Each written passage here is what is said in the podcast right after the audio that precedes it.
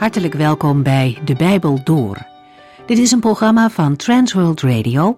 U kunt ons ook vinden op internet www.transworldradio.nl. De Bijbel Door is een radioserie die in vijf jaar tijd door de hele Bijbel gaat. Van Genesis tot Openbaring, van kaft tot kaft.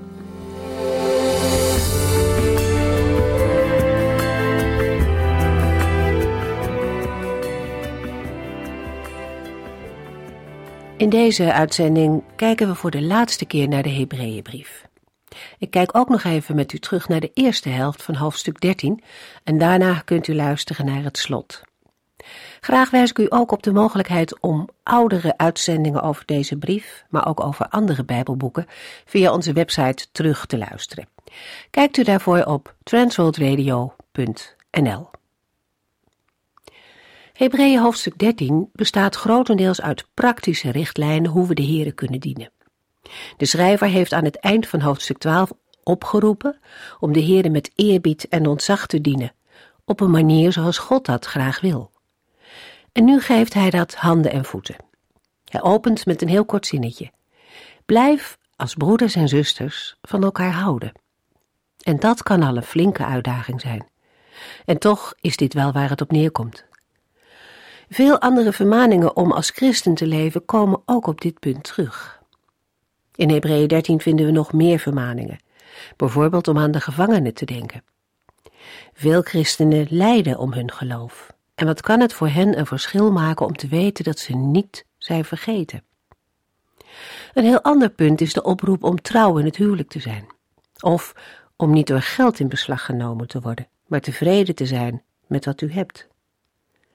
En dat kan omdat de Heere God heeft gezegd dat Hij zelf voor zijn kinderen zal zorgen.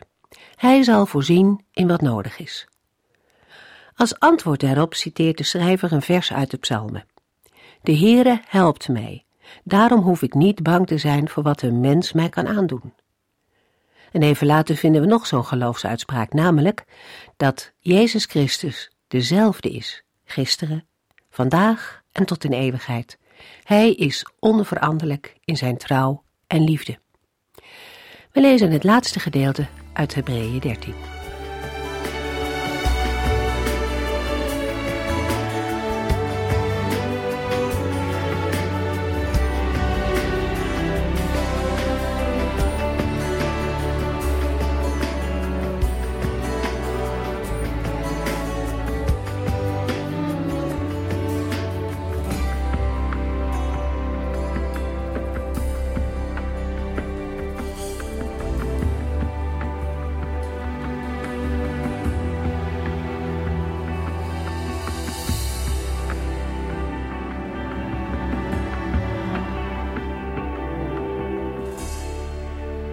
Vorige uitzending lazen we aan het slot van de uitzending dat de schrijver van Hebreeën een vergelijking maakte tussen hoe het was onder het oude verbond en hoe het nu is met de betere dingen van het nieuwe verbond.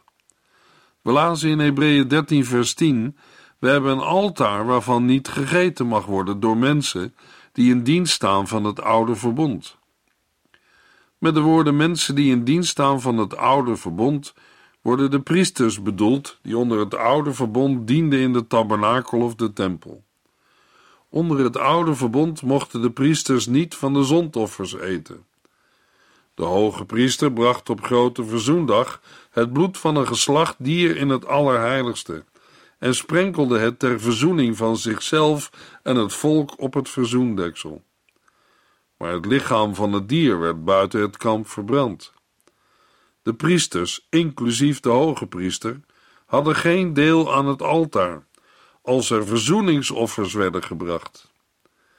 In Hebreeën vertegenwoordigen de priesters al degenen die nog redding en heil verwachten door de offerdienst van het oude verbond.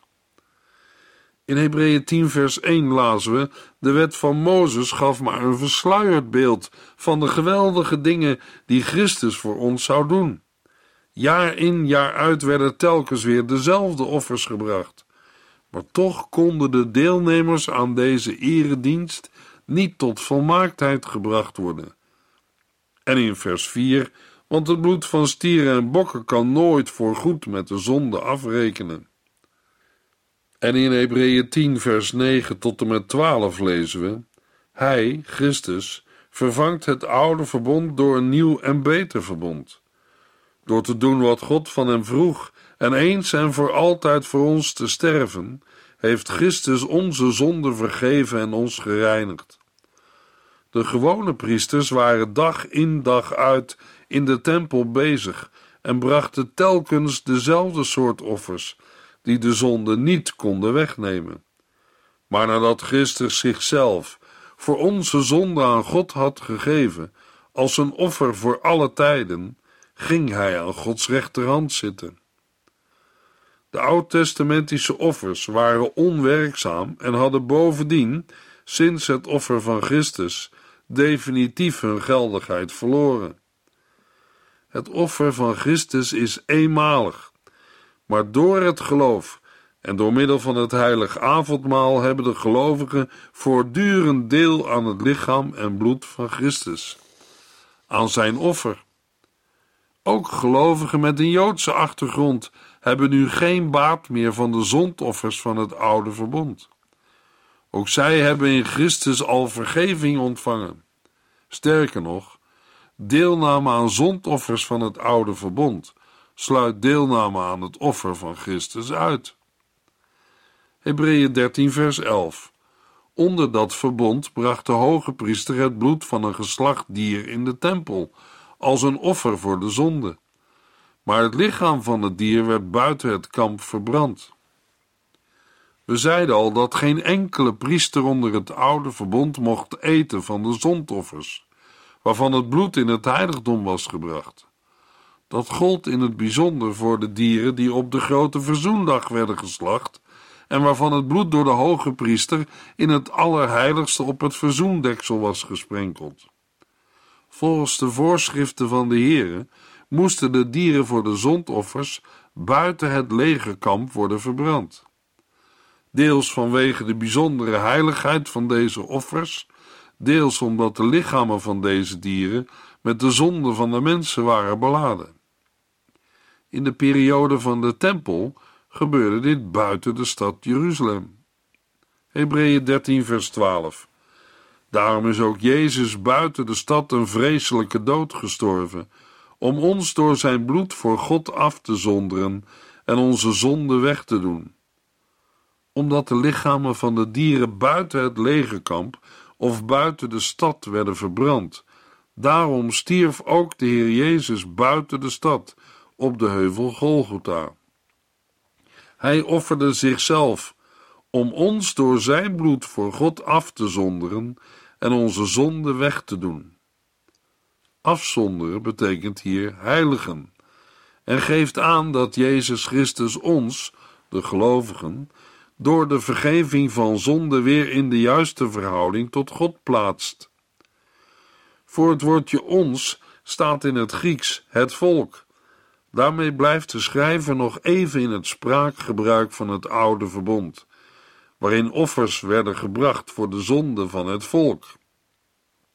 Het offer van Jezus is in principe voor alle mensen, maar komt alleen te goede aan mensen die in Hem geloven. Alle gelovigen, uit Joden en niet-Joden samen, worden in de Bijbel ook een volk genoemd. Hebreeën 13, vers 13. Laten wij dan naar hem toe gaan, buiten de stad, en dezelfde schande dragen die hij gedragen heeft. De schrijver gebruikt een beeldspraak die de gelovigen met een Joodse achtergrond moet aanspreken. In vers 13 volgt de conclusie uit de voorgaande versen. De gelovigen moeten net als Christus buiten de legerplaats gaan.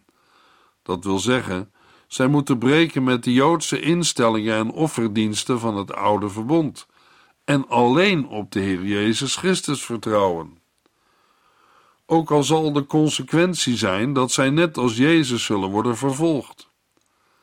Het dragen van dezelfde schande is het ondergaan van vernederingen en vervolgingen, zoals die de christelijke gemeente al eerder hadden getroffen, en zeker nog niet voorbij waren. De ceremoniële wetten en de offers van het oude verbond die door de Joden werden vastgehouden, hadden sinds het sterven van Jezus Christus hun geldigheid verloren. In Gelaten 5, vers 4 en 5 lezen we: Als u probeert het met God in orde te maken door de wet te houden, hebt u de band met Christus verbroken. U wijst daarmee zijn genade van de hand. Wij christenen hopen dat het tussen God en ons weer in orde komt door de Heilige Geest op grond van ons geloof. En daarbij gaat het om geloof dat zich in liefde uit. Hebreeën 13, vers 14. Wij horen immers niet in deze wereld thuis. Wij kijken uit naar de toekomstige stad. Zowel letterlijk als figuurlijk is het aardse Jeruzalem niet het thuis of het einddoel van de gelovigen. Zij kunnen niet meer deelnemen aan de offerdienst of rechtvaardigheid verwachten van de wet. Ook zien gelovigen niet uit naar machtsherstel van het aardse Jeruzalem, maar zij verwachten net als de geloofsgetuigen uit Hebreeën 11 een hemels vaderland, een hemelse stad, het hemelse Jeruzalem. Paulus gebruikt een vergelijkbare beeldspraak in Gelaten 4. Het aardse Jeruzalem is tijdelijk, maar het hemelse Jeruzalem zal blijven. Het bestaat nu al, maar het wordt toch de toekomstige stad genoemd. Dit omdat de gelovigen er pas volledig deel aan zullen krijgen bij de wederkomst van de Heer Jezus Christus. Daarom roept de schrijver de lezers op niet te zwaar te tillen aan een breuk met het aardse Jeruzalem, want daarin is hun toekomst niet gelegen. Wij horen immers niet in deze wereld thuis. Wij kijken uit naar de toekomstige stad. Hebreeën 13, vers 15. Met de hulp van Jezus zullen wij God altijd blijven eren, en ons offer aan God is dat wij openlijk voor Jezus uitkomen. Jezus Christus heeft eens en voor altijd het offer voor de zonde gebracht. Maar toch kunnen ook de gelovigen de Heere nog een offer brengen, namelijk een lofoffer. Een offer waarmee wij God altijd blijven eren. Een offer uit dankbaarheid. Voor de woorden dat wij openlijk voor Jezus uitkomen, staat in de Griekse tekst de vrucht van de lippen die zijn naam beleiden. Deze uitdrukking is afkomstig uit Hosea 14, vers 3, waar we in de Griekse tekst van het Oude Testament in de Septuaginta lezen: Wij offeren als offerstieren de beleidenis onze lippen. In tegenstelling tot de lofoffers in het Oude Testament, moeten nu de lofoffers altijd worden gebracht. Dat wij openlijk voor Jezus uitkomen, heeft ook betrekking op de gelovigen die de naam van Jezus beleiden. Immers, Jezus Christus is als hoge priester het onderwerp van de geloofsbeleidenis in het Bijbelboek Hebreeën. Luisteraar, zijn wij een levend, heilig en Gode welgevallig offer? Zijn wij bereid tot offervaardigheid ten gunste van broeders en zusters? Hoe staat het met de lofoffers die wij de Heer uit dankbaarheid brengen? De schrijver van Hebreeën zegt: Met de hulp van Jezus zullen wij God altijd blijven eren, en ons offer aan God is dat wij openlijk voor Jezus uitkomen.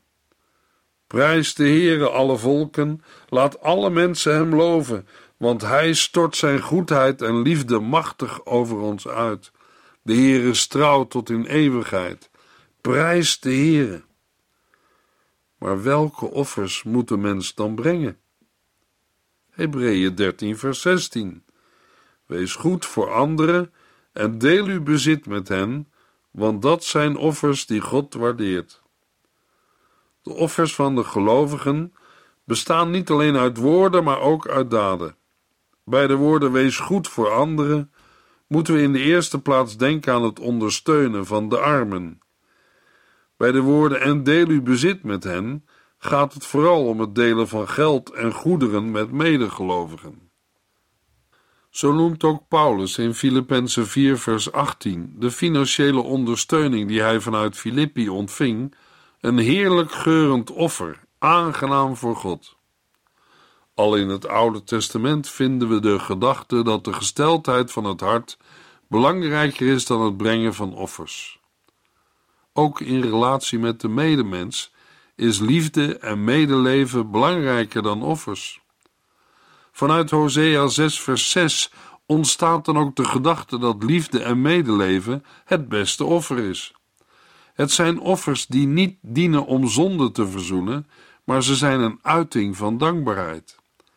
We kunnen ze geestelijke offers noemen, omdat het gaat om de intentie van waaruit ze worden gebracht. Hebreeën 13, vers 17. Gehoorzaam uw voorgangers en doe wat zij zeggen. Het is hun taak over u te waken. Zij zullen voor God verantwoording moeten afleggen over wat ze hebben gedaan. Als u hun gehoorzaamt, zullen zij hun werk met voldoening kunnen doen, zonder veel zorgen en moeite. Maar als u hun niet gehoorzaamt, doet u daarmee uzelf tekort. Anders dan in vers 7, waar het om voorgangers ging die gestorven waren, gaat het in vers 17 om de verhouding tussen de gemeenteleden en de levende voorgangers. De leiders in de gemeente hebben een duidelijk gezag en verantwoordelijkheid. Aan de gelovigen wordt opgedragen: doe wat zij zeggen en gehoorzaam hen. Als u hun gehoorzaamt, zullen zij hun werk met voldoening kunnen doen zonder veel zorgen en moeite.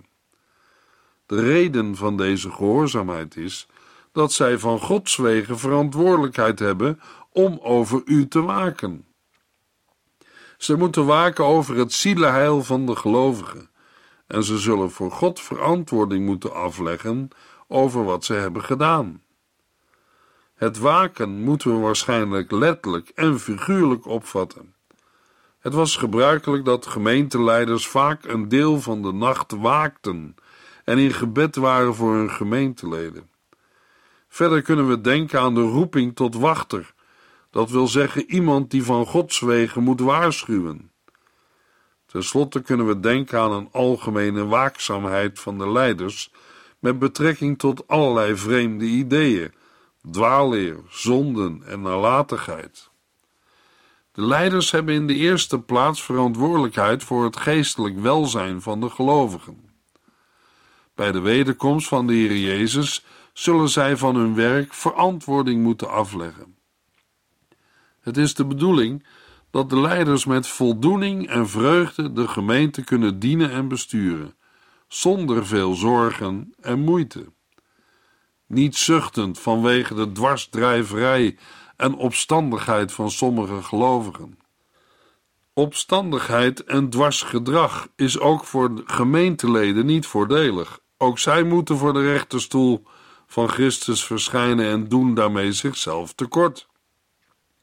Hebreeën 13, vers 18.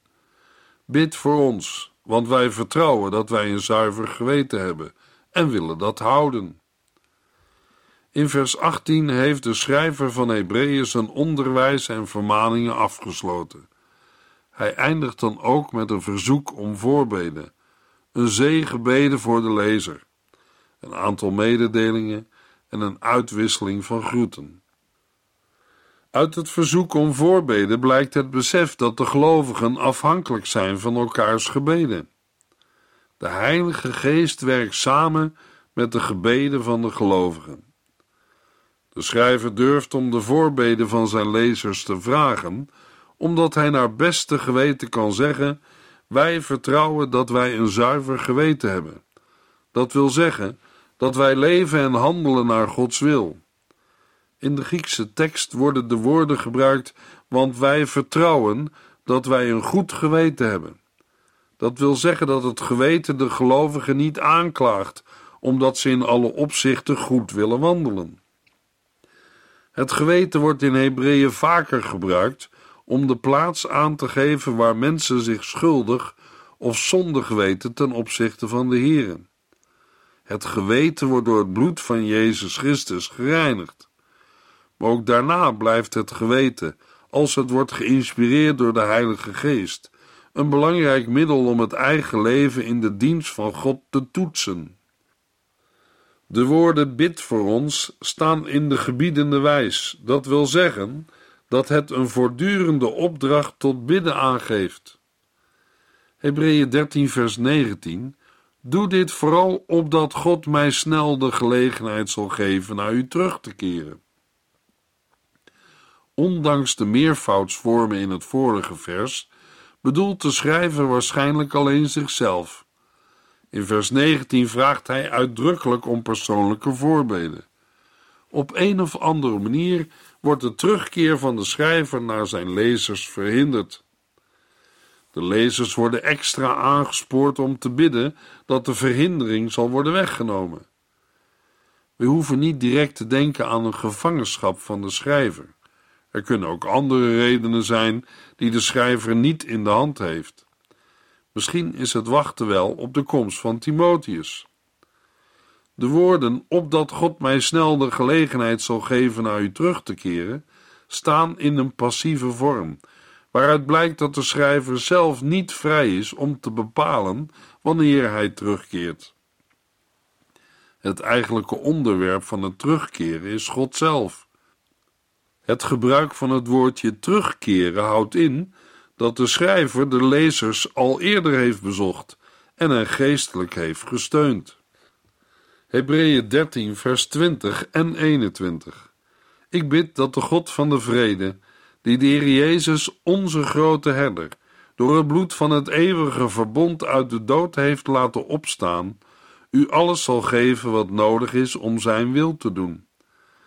Dat hij ons zo zal maken dat hij door Jezus Christus tevreden over ons kan zijn. Aan Jezus Christus komt voor altijd en eeuwig alle eer toe.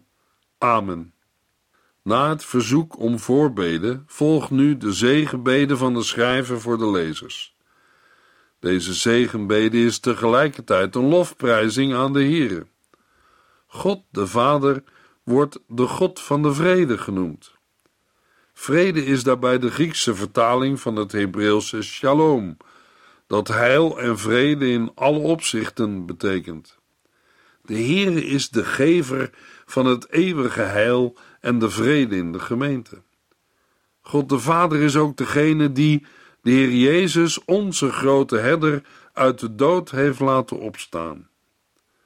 Christus bekrachtigde het nieuwe verbond met zijn bloed. Door het bloed van het eeuwige verbond kan het beste verbonden worden met Christus als onze grote herder. Zijn herderschap is gelegen in het feit dat hij zijn bloed gaf voor de instelling van dit eeuwige verbond. God zelf moet de gelovigen de toerusting en de bereidheid geven te leven zoals hij wil. Vers 21 moet niet zo worden uitgelegd dat de gelovigen geen eigen keus of verantwoordelijkheid hebben voor hun goede werken. Anders zouden alle vermaningen van Hebreeën 13 zinloos zijn. In het nieuwe verbond legt God door zijn Heilige Geest zijn wetten in het verstand en in de harten van de gelovigen. Gods Geest bewerkt in de gelovigen nieuw karakter, waardoor de Heere ons zo zal maken dat Hij door Jezus Christus tevreden over ons kan zijn. Net als in Efeziërs 2 gaat het er hierbij om dat wij het goede zouden doen, om alle goede karaktereigenschappen, om de vrucht van de geest, waarmee de gelovigen worden toegerust. Het doel van deze toerusting is het doen van zijn wil. In Filippenzen 2 vers 13 schrijft Paulus: God is onder u aan het werk. Hij zorgt ervoor dat u hem graag wilt gehoorzamen en dat u ook doet wat hij van u vraagt. Zo bereikt hij zijn doel. De Heere zelf bewerkt door de Heilige Geest in de gelovigen een nieuwe gehoorzaamheid. Deze vernieuwing is alleen mogelijk geworden door Jezus Christus. Door Hem werd het nieuwe verbond ingewijd en is de relatie tussen God en de gelovigen hersteld. Aan het slot van vers 21 eindigt de schrijver met een lofprijzing die op Christus is gericht. Zo begint en eindigt Hebreeën met een verheerlijking van Jezus Christus, de Zoon van God. Hebreeën 13, vers 22. Ik smeek u, broeders en zusters, mijn vermanende woorden in deze brief, waarin ik u kort schreef, ter harte te nemen. In het Grieks lezen we: Maar ik bid u, broeders, verdraag het woord van deze vermaning, want ik heb u in het kort geschreven. Nadat de schrijver met een lofprijzing is geëindigd, voegt hij nog een paar persoonlijke woorden toe. De lezers worden smekend gevraagd de vermanende woorden ter harte te nemen. De schrijver is er zich van bewust dat sommige lezers moeite hebben met deze zo noodzakelijke vermanende woorden. Toch moeten zij de woorden ter harte nemen, dat wil zeggen accepteren en gehoorzamen. Hebreeën 13, vers 23. Het zal u goed doen te horen dat onze broeder Timotheus weer uit de gevangenis is. Als hij hier op tijd komt, zal ik u samen met hem bezoeken. De volgende mededeling betreft Timotheus. De lezers waren wel op de hoogte dat hij gevangen zat, maar wisten nog niet dat hij was vrijgelaten. Ook de schrijver wacht de komst van Timotheus af om daarna gezamenlijk de lezers te bezoeken. De genoemde Timotheus is naar we mogen aannemen de bekende medewerker van Paulus. Over een gevangenschap van Timotheus lezen we verder niets in de Bijbel, maar wel dat Timotheus bereid moet zijn voor de Heer en het geloof te lijden. Aangezien de schrijver Timotheus kent, moet ook hij een bekende of een medewerker van Paulus zijn. Hebreeën 13, vers 24 en 25. Doe de groeten aan al uw voorgangers en aan de andere gelovigen.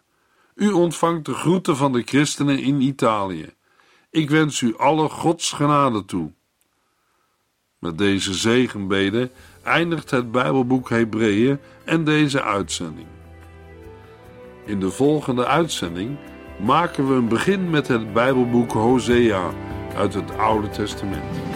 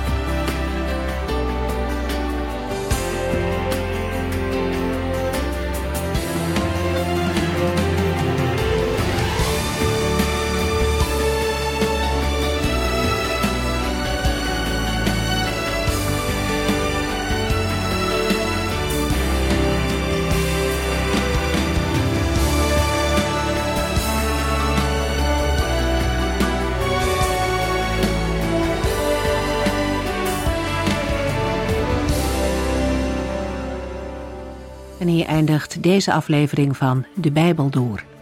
Een serie programma's van Transworld Radio. Wilt u ons iets vragen of meer weten? Dan kunt u altijd contact met ons opnemen. Bellen kan overdag met 0342 478432. Per post Transworld Radio. Postbus 371. Postcode 3770. Anton Johannes in Barneveld. En e-mailen kan ook. De Bijbel door at transworldradio.nl En natuurlijk ook via onze website transworldradio.nl Dit programma werd gepresenteerd door Cor Weda en Ike André. En namens iedereen die er nog meer aan meegewerkt heeft, graag tot de volgende keer.